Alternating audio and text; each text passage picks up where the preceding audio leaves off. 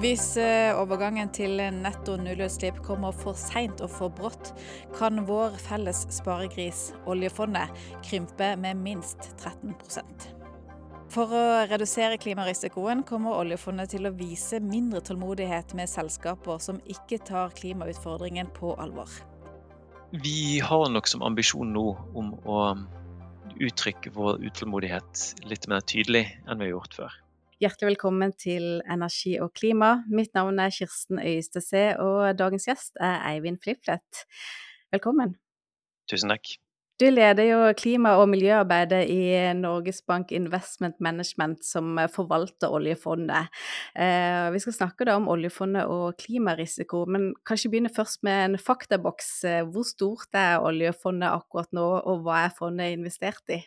Ja, det er jo ganske stort. Akkurat nå er det 15 215 milliarder kroner, som er ganske mye penger. Og det er investert i 70% aksjer, en god del selskaps- og statsobligasjoner, og så en liten andel eiendom og fornybar eh, infrastruktur for fornybar energi. Og Selskapene som fondet har investert i, si litt om hva som kjennetegner de. Så Vi har investert i litt av alt. Vi følger en ganske nært en global indeks. Vi investerte i 9000 selskap fra rundt omkring i hele verden, litt over 70 land. Så vi eier i gjennomsnitt 1,4-1,5% av alle aksjer i verden som er på børs. Så det er litt av Apple og litt av Bao-stil i Kina eh, og alt innimellom. Men ingenting i Norge. Med Parisavtalen så har de fleste land i verden forplikta seg til å bidra til å bremse den globale oppvarmingen til godt under to grader, og helst ned mot 1,5. Men så er det ikke der vi er på vei i dag. Og hvilke konsekvenser har det for oljefondet om verden er på vei mot tre graders global oppvarming, eller om vi klarer å begrense den til godt under to grader? Ved å være globalt investert, så er jo fondet vårt veldig utsatt for utviklingen i verdensøkonomien. Så hvis det går godt der ute, så går det godt her hjemme, sier de. Og eh, vi vet jo alle at katastrofale klimaendringer vil få store konsekvenser for økonomien der ute. Og det vil påvirke selskapene vi har investert i, og dermed også fondsverdien. Um, det er jo vanskelig å estimere, men vi har prøvd å estimere litt. Og vi har sett at um, aksjeporteføljen vår kommer til å tape mellom 1 til 13 litt avhengig av hvilket klimascenario som faktisk utspiller seg. Men det vi alle ser, ser, er at vi kommer til å få størst tap ved en sen og brå overgang til netto null. Sånn at hvis um, verden ikke gjør så veldig mye de neste 10-15 årene, og så plutselig finner ut at oi, dette var litt kjipt, nå må vi skru til, da må man skru til veldig fort. Og brå regulering, brå endring i sammensetningen av verdikjeder um, og verdensøkonomien generelt, gjør at uh, selskapene kommer til å mm, møte utfordringer med å møte de nye kravene. Og det kommer til å koste dem ganske mye å omstille seg veldig fort. Omstilling er enklere når man har god tid. Uh, og jeg skal ikke si at vi har god tid nå, men vi har i hvert fall bedre tid nå enn om 20 år. Sånn at 13% av fondet det er et eh, tall, det er sikkert altfor lavt, men det er ca. 1400 milliarder kroner som vi ser at vi vil tape hvis vi får en sen og brå årgang. Det er jo sammenlignet med statsbudsjettet som i år var på eh, 1750 milliarder kroner. Så nesten et helt statsbudsjett vi kan tape på dette. Men vi vet at klimamodeller er usikre, og finansielle modeller som er på toppen av klimamodeller, er enda mer usikre. Og vi tror nok at vi underestimerer de reelle effektene av hetebølger, tørke, flom, ekstremvær osv. Og ikke minst de sekundære effektene som er veldig vanskelig å modellere. Stor migrasjon, politiske endringer. Um, mye kan skje, og det vil påvirke fondet enda mer enn det vi ser for oss eh, nå, dersom vi skulle få en såkalt hot house world. Mm. Så vi kan tape ca. et statsbudsjett hvis vi får en, eh, en brå eh, omstilling og forsinka omstilling. Men hva med hvis vi ikke får en omstilling, altså at vi, vi ikke vil se at verden strammer til klimapolitikken for å nå målene, men at vi gir litt blaffen og at verden er på vei mot tre grader, kanskje mer enn tre grader. Hva skjer da? Det er eh, enda vanskeligere å si hvordan det vil spille seg ut. Vi vet, Klimavitenskapen sier til oss at den eneste måten å balansere klima på på noen måte er å nå netto globale nullutslipp. Og hvis det skjer 2050, 2060, 2070, altså på et eller annet tidspunkt så må du slutte å slippe ut. Eller så kommer verden bare til å fortsette å varme seg opp. Og hvis verden fortsetter å varme seg opp i det uendelige, så da blir konsekvensene litt, sånn, eh, litt for store til å tenke på. Sånn at vi tar det liksom for gitt at på et eller annet tidspunkt så kommer verden til å kutte utslipp. Um, og da er spørsmålet når skjer det, hvor sterkt skjer det, og når kommer vi um, til å Når kommer det til å påvirke oss? Mm. Så per i dag så er 13% fall i verdi på en måte det verste scenarioet som dere har skissert? Ja, men den får understreke at vi baserer oss på de modellene som er tilgjengelige til oss, og vi tror nok at det underestimerer de reelle effektene. Mm. I teorien så kan jo oljefondet vare evig hvis det forvaltes klokt. Eh, men selv om vi gjør alt rett, så kan jo fondet krympe. Og av eh, alle risikofaktorer som oljefondet er utsatt for, eh, altså finanskrise, inflasjon, eh, krig og uro, hvor stor risiko utgjør klimaendringene og klimapolitikken som kan komme til å bli vedtatt for å håndtere eller bremse klimaendringene for oljefondet? Det er jo vanskelig å rangere risiko på den måten, selv om vi for all del prøver. Men det jeg kan si at den er ganske høyt oppe. Men det er jo ting som vi ser like høyt og høyere oppe. Inflasjon og geopolitikk har vi snakket mye om de siste årene. Um, men det vi ser er jo at klima er tett knyttet til disse igjen. Vi ser at um, klimaendringer, fysiske klimaendringer driver inflasjon. Vi ser at geopolitikk gjør det vanskeligere ofte å nå klimamål. Og så må vi huske at klima, for all usikkerheten som er der, så er det jo en, det er en kjent ukjent vi vet at verden må kutte utslipp, og vi vet at vi må tilpasse oss. Men det er jo i form av risiko, så er det veldig mange ting vi kanskje ikke tenker på, som vi ikke er sikre på kommer, som kanskje vil være større risiko for oss. Tenk kunstig intelligens, nå bare tenker jeg høyt, sånt. men eh, kunstig intelligens, krig, eh, pandemi eh, osv., som er vanskeligere å modellere og forstå enn klima. Klimarisiko handler jo både om eh, fysisk klimarisiko og overgangsrisiko. Og Forklar hvordan oljefondet er utsatt for eh, begge deler gjennom de selskapene som fondet er investert i. Så vi er jo som sagt en indeksnær investor med avkastningen tett knyttet til verdensøkonomien. Sånn at um, vi påvirkes jo både av overgangsrisiko i form av de endringene selskapene må gå gjennom, Um, og, den, og, det tar jo mange former. Det er regulering, det er etterspørsel, um, og det er teknologiutvikling. Um, så selskapene de må jo ta hensyn til dette. De må forstå hvilke risiko er de er utsatt for, hva det som kommer til å skje i de markedene de opererer, og helst være litt proaktive for å omstille seg før enn siden. Og Det samme på fysisk risiko. Selskapene vi investerte i, er jo utsatt for all slags fysisk risiko. Og tradisjonelt har vi tenkt på det veldig mye i form av eh, deres egne fasiliteter. Er, det, er de flomutsatt? Er de tørkeutsatt? Men vi innser jo mer og mer at fysiske klimarisikoen er veldig til stede i verdikjedene til selskapene.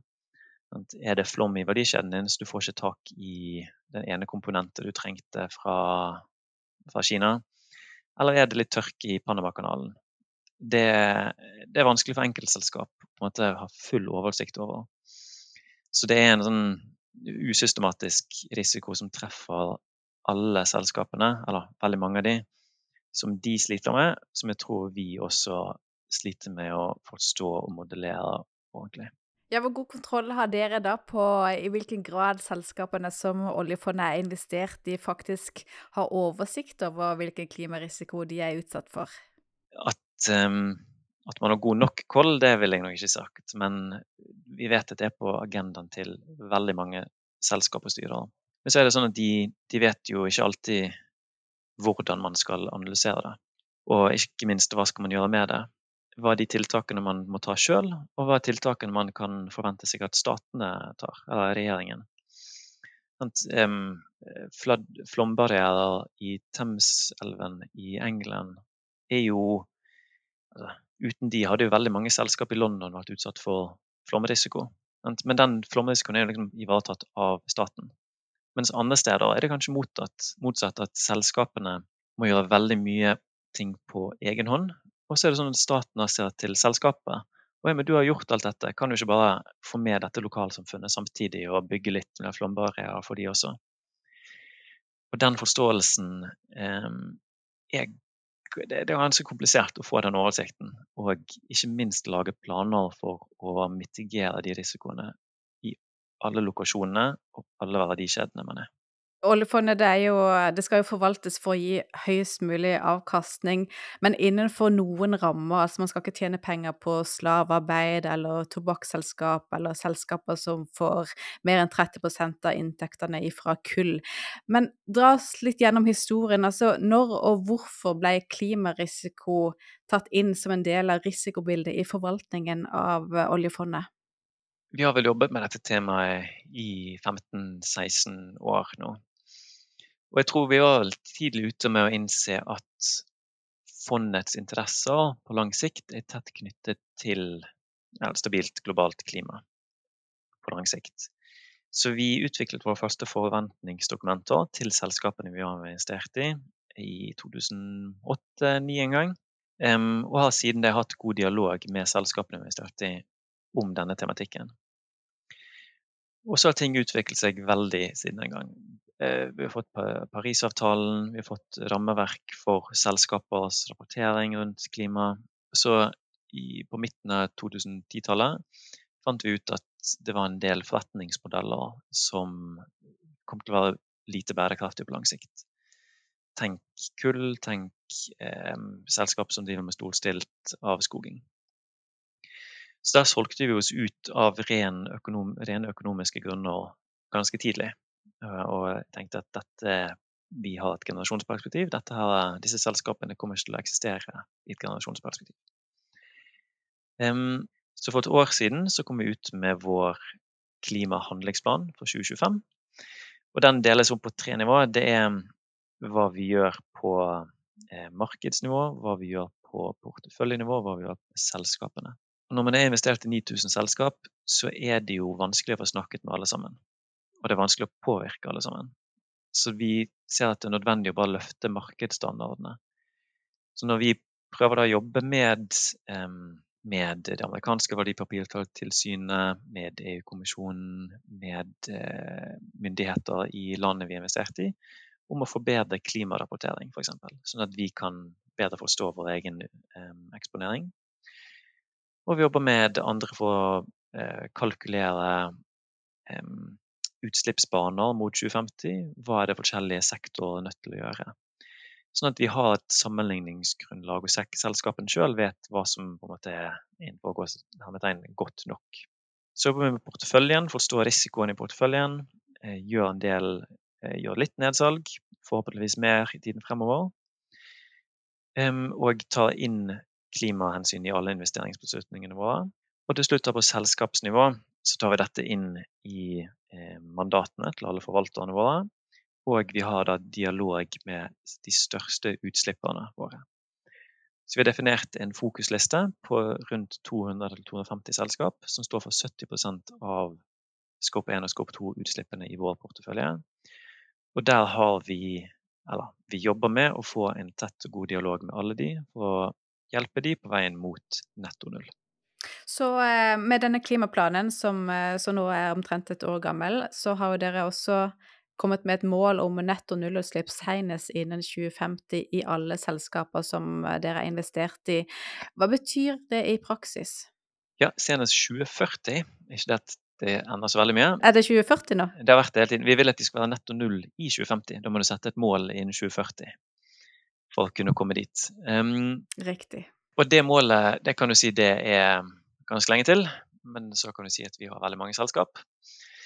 Så i praksis så betyr det bare at vi, alle selskapene vi snakker med, så sier vi at de bør sette det nå. At det er ikke noe poeng med å utsette overgangsplanlegging til 2035. Så vi, um, vi har oppdatert forventningene våre, nå senest for en måned siden.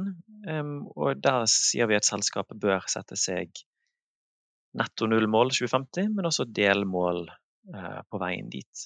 Hvorfor sier vi dere bør og ikke skal? Det er et eh, diplomatisk triks. Um, og uh, et Eh, en anerkjennelse av at vi er en minoritetsaksjonær. Vi kan jo ikke diktere det de skal gjøre.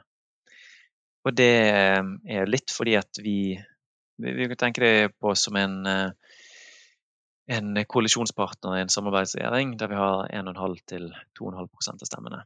Vi, vi, vil gjerne ha en stemme, men vi vet at vi får ikke gjennomslag hele tiden.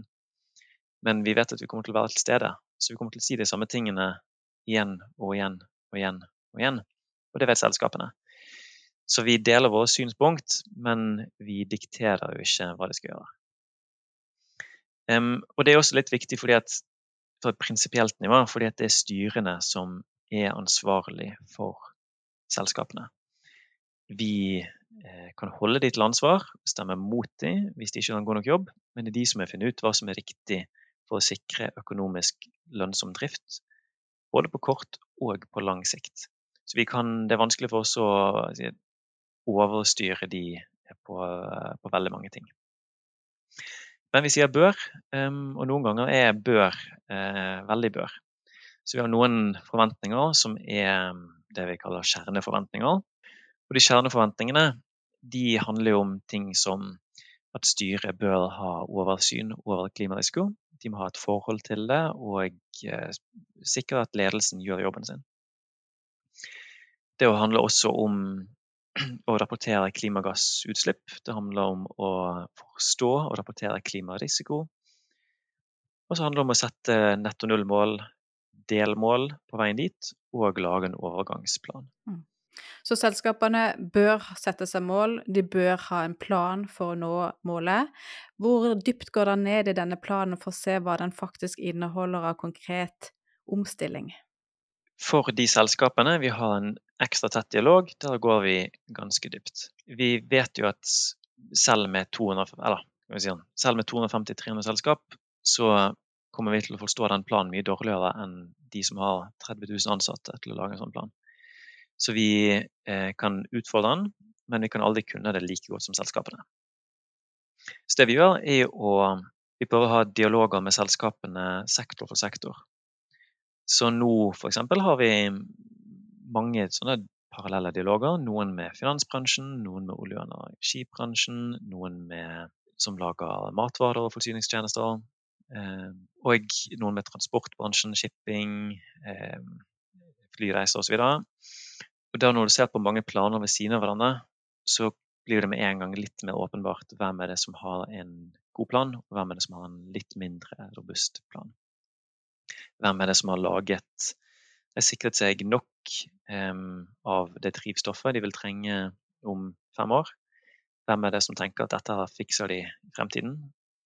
Hvem er det som har satt av penger til planen sin? Og hvem er det som har bare satt et mål uten helt å forstå eller forklare hva det vil innebære å nå det målet.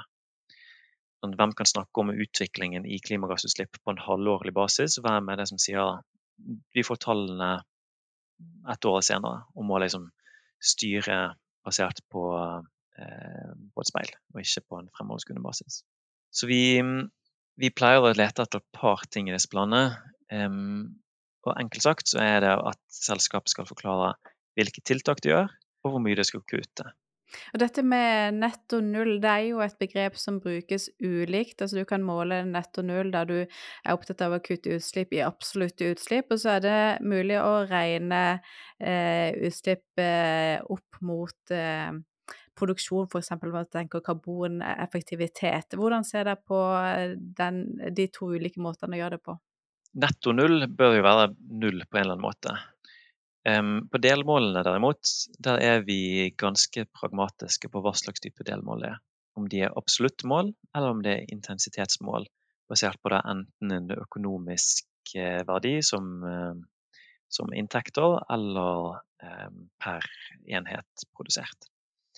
Vi investerte i hele verden, og det er veldig mange markeder og geografier hvor, og bransjer for den del, hvor selskapene bør og skal fortsette å vokse. Um, og da er det vanskelig å si at man kun skal ha absolutte mål. Fordi det vil begrense vekst i store deler av verden som fortsatt er avhengig av vekst.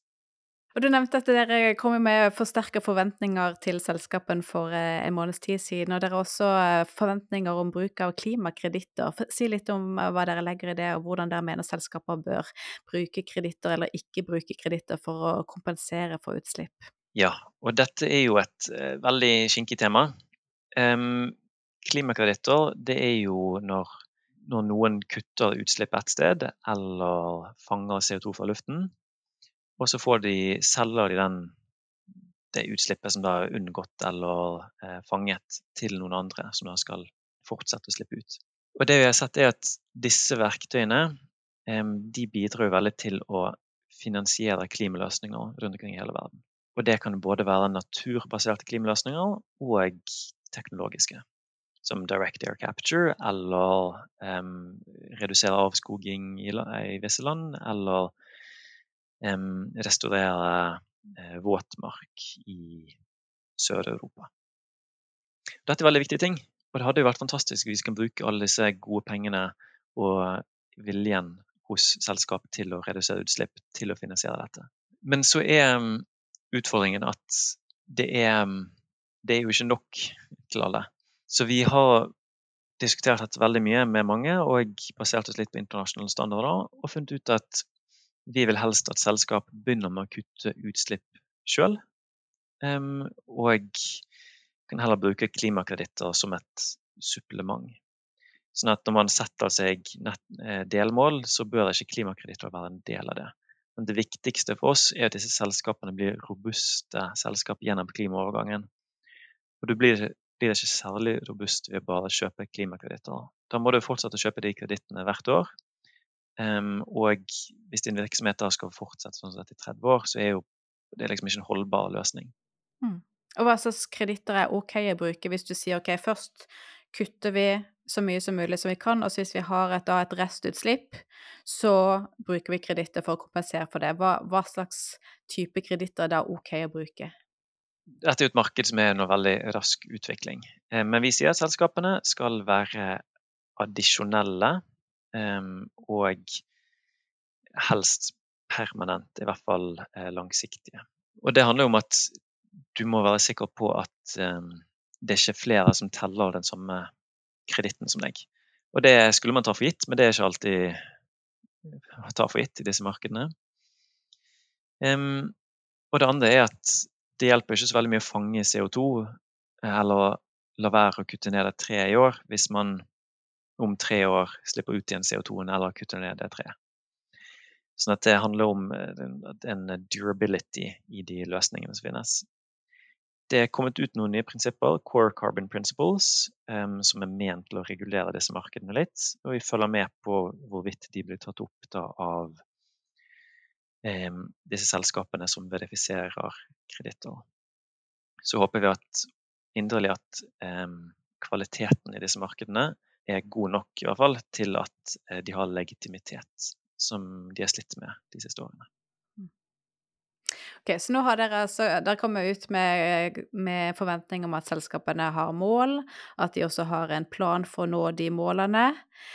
Hvor tålmodig er det riktig å være med disse selskapene, hvis du ser på hvor, hvor mange av disse eh, har mål og planer i dag, og hvor mange har ikke? Hvor, hvor lenge skal man vente på at de, de kommer dit? Utgangspunktet vårt er jo å være en investor på lang sikt og støttespiller selskapene. Så vi ser på oss sjøl som en eh, god venn. Det, man er tålmodig med vennene sine, men man er jo også utfordrende og ærlig. Så vi har nå tenkt å være til stede veldig lenge og gjenta de samme tingene igjen og igjen. Og det er i seg sjøl viktig for selskapene å vite. Men så er det noen ting vi er litt mindre tålmodige om, da, og det er jo disse kjerneforventningene våre. Hvis det er selskap som i 2023 ikke engang rapporterer sine klimagassutslipp, så kan det hende at vi vil stemme mot styremedlemmene, eventuelt sende inn egne aksjonærforslag til generalforsamlingene for å be selskapene om å gjøre det. Og det samme gjelder hvis selskapene ikke satte satt seg et eneste reduksjonsmål for klimaet. Da det er liksom viktig nok til at vi føler at vi kan eskalere og bruke andre eierverktøy enn bare dialog. Så har vi mulighet til å selge oss ut av selskap gjennom to mekanismer. Det ene er såkalt risikobaserte nedsalg. Da bruker vi risikoen som vi har fått tildelt av Finansdepartementet, til å selge oss ut til selskapene. Og det er selskap vi tror ikke er bærekraftig på sikt, og vi gjør det av økonomiske grunner. Og så er det et etisk kriterium om uakseptable klimagassutslipp. Så dette er del av de etiske retningslinjene som kommer fra Stortinget. Og der kan, er det anledning for oss i oljefondet å gi en anbefaling til hovedstyret om å ekskludere selskap. Det er noen, en anledning vi fikk i fjor. Og der jobber vi med å utarbeide de tersklene og eh, for sånn eh, eksklusjon. Og det er, mm, det er ganske vanskelig. Siden hva er uakseptabelt etisk sett? Det er veldig mange utslipp som er veldig viktige, som gjør godt i verden. Men det er mange utslipp som ikke gjør det også, som er unødvendige. Og selskap som ikke har troverdige planer, som ikke har satt seg mål. Så det, eh, det er noe vi jobber tett med å finne ut hva, hvor legger vi terskelen der for å være, ikke bare være langsiktig økonomisk litt off track, men være liksom rent uetisk. Når kommer disse tersklene, da? Dette har vært en lang prosess for å komme hit. Um, og grunnen til at vi fikk såkalt um, At vi fikk anledning til å gi tilrådning til hovedstyret på eksklusjon, noe som vanligvis kun Etikkrådet gjør, er fordi det er så stort overlapp mellom de selskapene vi snakker med, og de selskapene som eventuelt vil være utelukket av dette kriteriet. Og det er sånn at Hvis vi ønsker å snakke med dem, så er jo det det viktigste. Prøve å påvirke først, før vi utelukker. Sånn at Det er jo det vi har kommet i gang med nå i stor skala det siste året. Å lage systematikk rundt disse 250 selskapene og be dem om å eh, sette seg netto null-mål, dele mål, rapportere utslipp osv. Så, så får vi se da hvor tålmodige vi ønsker å være. Um, det kan jeg ikke si så mye om nå, men det er jo klart man, man um, Når man ser nyhetene gjennom sommeren, så føler man seg ikke så veldig tålmodig. Nei. Men du, du snakker om dere som en, som en, venn, og som er langsiktige, og som skal hjelpe selskapene. Er dere for tålmodige? Vi har nok som ambisjon nå om å uttrykke vår utålmodighet litt mer tydelig enn vi har gjort før. Eh, så får vi se hvordan det funker i noen år, før vi endrer standpunkt igjen. Men vi har begynt å stemme mot mange flere styremedlemmer på bakgrunn av dårlig håndtering av klimarisiko. Vi har sendt inn egne aksjonærforslag til selskap i USA for å få de til å sette seg reduksjonsmål. Og vi har kommet med skarpere forventninger som vi kommer til å dele med selskapene det er relevant for, og styre medlemmene der og be de om å liksom lese de og ta hensyn til de. Um, og så er det en avveining, da. Hvor, hvor, kjapt tror man at dette kan gå? Og det er en det er litt sånn taktikk og gut feel som man må utvikle over tid. Og basert på de enkeltselskapene man jobber med. Noen er tankskip som har lyst, men som krever en del tid for å få det til. Og andre selskap som ikke har lyst, helt til de plutselig får veldig lyst, og så gjør de det mye kjappere enn det tankskipet. Så man må tilpasse litt virkemiddelbruken og dialogen til selskapene også. Hvor mange selskaper har dere klart å endre, eller klart til å sette både mer ambisiøse mål og, og legge fram troverdige planer for å nå målene? Vi er jo veldig forsiktige med å si at det er vi som klarer dette. At vi vet at vi sier noe til selskapene, så er det fem eller syv andre investorer som sier det samme. At hvem var det som tippet scale, det, det, kan vi jo ikke si. Men vi ser det på, på tre nivå at det hjelper, det vi gjør. Det første er jo på markedsnivå. da, At selskapene beveger seg i retning av våre, eh, våre forventninger. Det er, eh, det er nå over 60% av våre finansierte utslipp som er dekket av gode netto nullmål. det er mer enn en dobling siden 2020. Har de gjort det fordi vi har snakket om dette? Det, Kanskje, men vi ser at det er en trend som eh, vi har hjulpet. Så har vi gjort egne målinger der vi ser på utviklingen i de selskapene vi har snakket med, versus de selskapene vi ikke har snakket med. Og med litt regresjonsanalyse så ser vi at de vi har snakket med, endrer seg litt mer enn de vi ikke har snakket med. Men regresjon er regresjon. Det er vanskelig å være helt sikker på den kausaliteten. Og så ser vi på enkeltselskap. At vi har anekdoter. At uh, selskap selv de sier det til oss at uh, vi har endret dette fordi har, dere har bedt om det. Men det er jo veldig mange som bare ender opp og sier takk for dialogen, og så går de og gjør noe uten at de sier at det var vi som endret det. Um, og Der har vi jo mange eksempler. Vi er jo forsiktige med å snakke om selskapsdialogen. Vi liker å ha den eh, Vi liker å beholde Eller vi tror at tillit er viktig i dialog. Og det å gå ut offentlig og snakke om den dialogen hele tiden, det, det liker vi ikke. Men vi gir noen eksempler på tid til annet. Der f.eks. Eh, TUI, eh, reiseleverandøren South32, stort gruveselskap, hvor vi har tatt kontakt og hatt en god dialog, og så har de satt seg bredere og mer ambisiøse mål enn det de hadde før vi tok kontakt. Men dere, oljefondet er jo investert i dag i store utslippere, både energiselskap og industriselskap. Hva ville vært nedsiden eller risikoen ved om oljefondet i dag kun var investert i selskaper som både hadde mål og troverdige omstillingsplaner som var i tråd med netto null innen 2040 eller innen 2050? Jeg tror hovedpoenget er vel at det er en stor finansiell risiko ved å gjøre det. Og så tror ikke vi det har noen effekt på klimaet heller. Så det er egentlig lus-lus. Det kan være et etisk argument for noen, eh, og det må man jo respektere. Men jeg tror for sånn som vi ser på det, så er det mm, dumt både for fondet og den norske befolkning som eier det, og for klimaet. Har dere regna på den finansielle risikoen? Det er um, vanskelig. så det um, er blitt gjort arbeid av oss, og ikke minst et utvalg oppnevnt av Finansdepartementet, som så på dette i 2021. Og det man har funnet, er jo at det ikke er noe bevis for at klimarisiko er systematisk feilpriset. Det betyr ikke at det ikke er klimarisiko, at det er noen steder det er feilprising. Men stort sett er jo investorer flinke til å få med seg ting og innbake det i prisene. Så det er klart at alle som investerer i olje og gass, vet at det er en klimarisiko innebakt i det, og at det er en usikkerhet. Sånn at det er nok ikke store penger på å tjene på å bare selge seg ut av de, og kun selv investere i de selskapene som da er eh, fullt Paris-aligned. Derimot tror vi nok at det å redusere fondets eh, investeringsmulighet, det vil redusere vår mulighet til å diversifisere porteføljen vår. Og vanlig finansteori vil jo da si at vi vil redusere vår risikojusterte avkastning ved å redusere diversifiseringen.